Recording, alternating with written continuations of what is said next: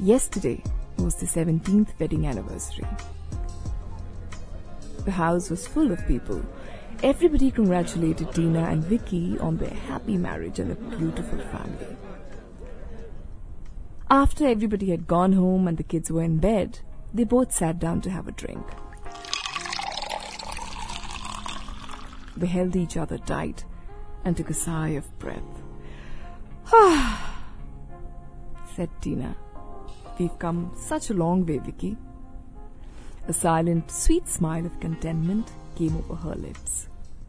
Theirs had been an arranged marriage. Tina was the typical gorgeous looking Punjabi girl, 22 years of age, when her parents married her off to Vicky, 27, who matched Tina in everything from looks to temperament. They had hit it off right away from their very first meeting. It had been over 15 years of marriage and two kids when one fine day Tina's new best friend, Neha, subtly pointed out to her that Vicky was a very different sort of a man, very unlike the men she knew. Repeated hints that Neha dropped every now and then seemed to work. Tina started noticing things which seemed odd or atypical to heterosexual male behavior. Neha pointed out that he always gushed a bit more around Aditya. Yeah, it did seem odd. Whenever Aditya was around, Vicky would behave a bit like how some of the women did, gushing and tongue tied. You are my best friend, and I will always love you. She had said these exact words many, many times in the past to Vicky, and now she repeated them over and over again to him.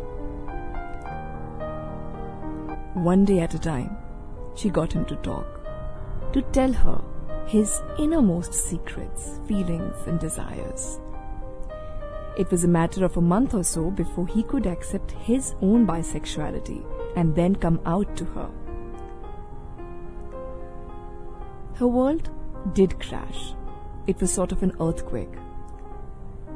A monsoon day when you're expecting a bright sunny day. But then she sat down with herself and realized that she had made a promise to Vicky to always love him, no matter what. Vicky was her best friend, who, besides making her coffee, also made her laugh. He made her happy, he made her secure. He cared for her kids, ah, their kids as much as she did. He let her work, be with friends, do whatever she pleased. He let her live like a free bird. Yes, he indeed was not a typical heterosexual man, or like any other man for that matter. It has been two years since then, and today they love each other just as much as they always did. Only now, Vicky can breathe free. She realized that in life some things change meanings and some meanings change things. But love, that always stays the same. And just like that, he knew what she meant. And he hugged her tight. You are my best friend, and I will always love you.